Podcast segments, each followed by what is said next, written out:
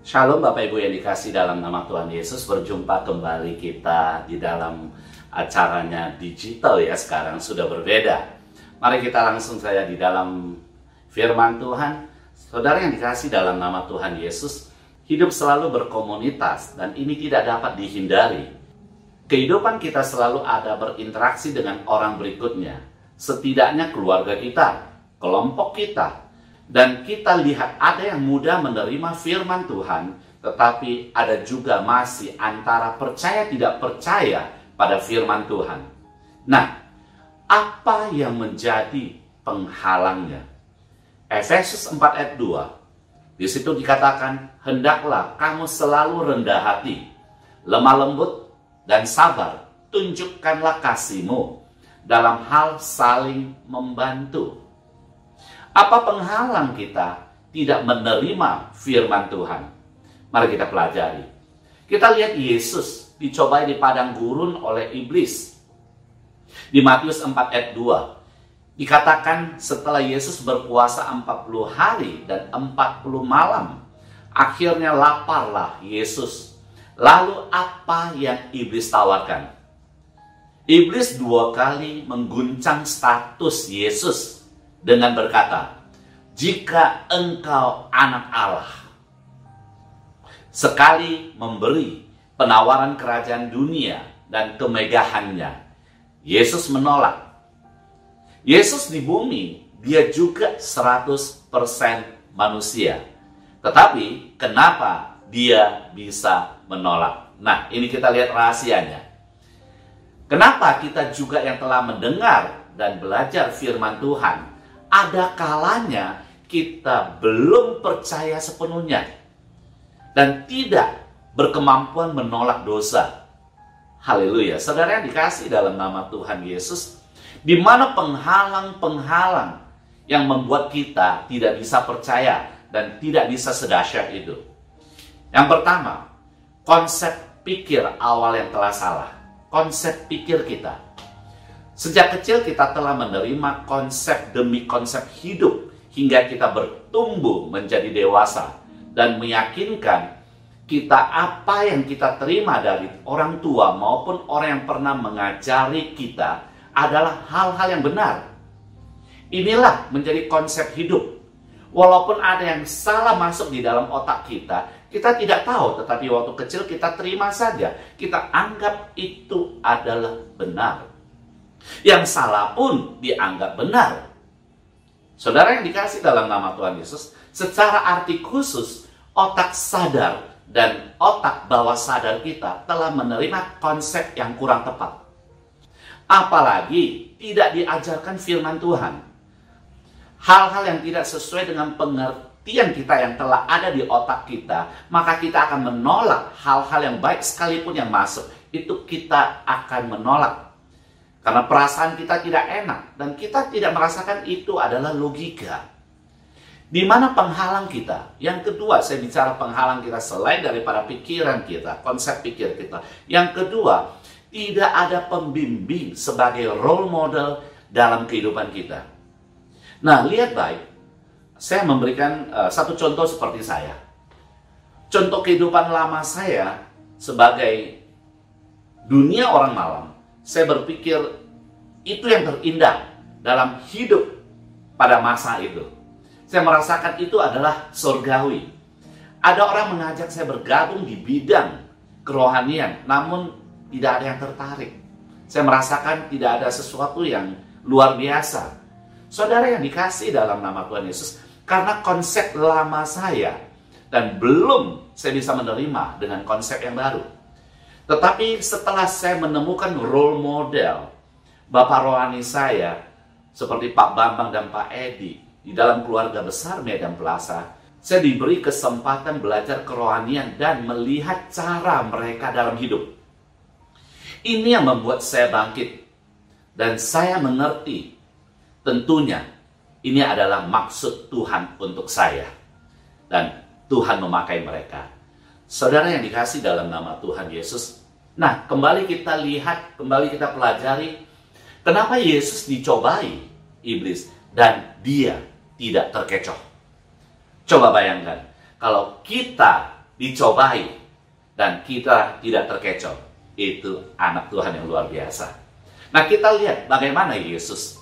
Yang pertama, karena Yesus sejak kecil, ia telah dididik tepat oleh kedua orang tuanya yang percaya Tuhan dan menjalankan firman Tuhan. Dan yang kedua, bila ada gangguan lain yang harus Yesus memilih Yesus tidak pernah memilih yang menguntungkan pribadinya, tetapi memilih kebaikan kehidupan orang lain yang berdasarkan amanat agung Allah Bapa. Saudara yang dikasih dalam nama Tuhan Yesus, konsep apa yang ada di dalam kehidupan Yesus sangat sederhana. Saudara juga tahu, saya juga tahu. Konsepnya, kasihilah Tuhan Allahmu Matius 2 ayat 37. Jawab Yesus kepadanya, kasihilah Tuhan Alamu dengan segenap hatimu dan dengan segenap jiwamu dan dengan segenap akal budimu. Semua orang mengerti, semua orang tahu tentang ayat ini. Tetapi hari ini saya akan mengambil dua kata. Yang pertama berbicara tentang hati. Hati, kardia. Pikiran yang menanggapi perasaan yang disebut limbic brain memberikan respon ke hati atau jantung kita. Artinya kasihlah dengan perasaanmu.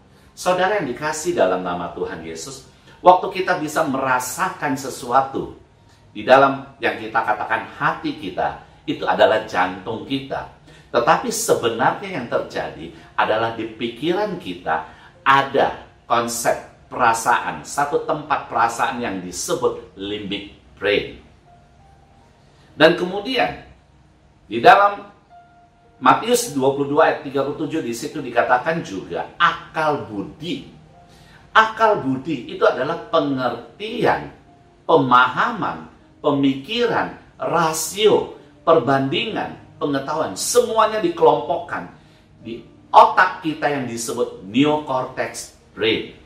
Jadi di dalam otak kita itu ada reptilian brain, ada limbic brain dan kemudian neocortex brain. Nah, limbic brain itu berbicara tentang menanggapi perasaan, tetapi neocortex berbicara tentang menyimpan pengetahuan.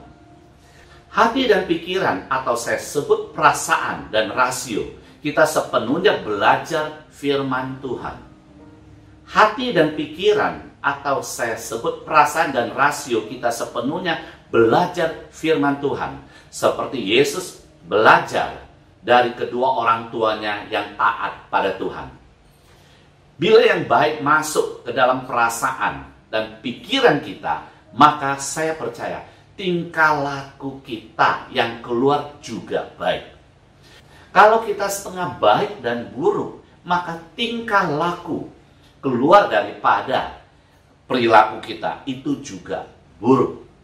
Bagaimana menerobos penghalang kita menerima firman Tuhan? Saudara yang dikasih dalam nama Tuhan Yesus, setiap orang memiliki perasaan dan pikiran. Mana yang lebih besar mendominasi dalam kehidupan kita? Saudara, lihat saja.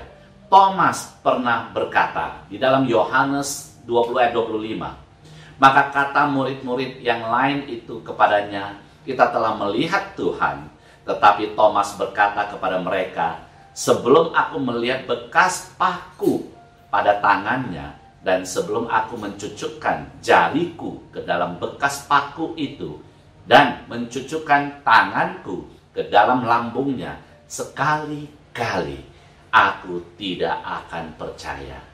Saudara yang dikasih dalam nama Tuhan Yesus, apa artinya itu? Saat itu Thomas, yaitu neocortex brain atau otak berpikirnya lebih mendominasi daripada perasaannya. Maka apa yang dilakukan oleh Yesus? Yang dilakukan oleh Yesus di dalam Yohanes 20 ayat 27. Kemudian ia berkata kepada Thomas, "Taruhlah jarimu di sini dan lihatlah tanganku. Ulurkanlah tanganmu dan cucuklah ke dalam lambungku." Dan jangan engkau tidak percaya lagi, melainkan percayalah. Bagi setiap orang yang lebih didominasi oleh logikanya, rasionya, maka apa yang harus kita lakukan? Begitu juga kita yang lebih mendominasi dalam pikiran kita itu adalah logika, maka perlulah kita melihat bukti-bukti di mana Tuhan menciptakan dunia ini tanpa perlu Anda bantu. Saudara yang dikasih dalam nama Tuhan Yesus, perlu saudara mengakui bahwa bagaimanapun mesin yang diciptakan oleh manusia tidak sekuat manusia yang hidup 50 tahun, 60 tahun, 70 tahun jantungnya tidak pernah berhenti. Tetapi mesin beberapa saat kemudian, dua hari, tiga hari, satu minggu. Lalu, bagaimana tentang perasaan? Bagaimana orang yang lebih didominasi perasaan? Apa yang harus kita lakukan? Saudara yang dikasih dalam nama Tuhan Yesus, Efesus 4 ayat 2 di situ dikatakan, hendaklah kamu selalu rendah hati, lemah lembut dan sabar. Tunjukkanlah kasihmu dalam hal saling membantu. Perhatikan kata-kata rendah hati, lemah lembut, sabar. Itu semua adalah tindakan perasaan. Saudara yang dikasih dalam nama Tuhan Yesus dan apa tindakan perasaan itu? Tunjukkanlah kasihmu dalam hal saling membantu. Waktu kita ingin memberi pengaruh yang baik kepada orang, maka apa yang terjadi? Berilah, tunjukkanlah kasihmu, saling membantu. Oleh sebab itu di dalam keluarga kita, walaupun ada satu dua yang belum percaya kepada Tuhan, tetapi pada saat kita itu melakukan Efesus 4 ayat 2, saya percaya mereka akan berubah pikiran Saudara yang dikasih dalam nama Tuhan Yesus. Dan apa yang terjadi tercatat di dalam Matius 5 ayat 5. Berbahagialah orang yang lemah lembut karena mereka akan memiliki bumi. Dan saya percaya orang yang lemah lembut selalu mendapatkan kemenangan. Haleluya. Mari yang percaya kita sama-sama katakan. Amin.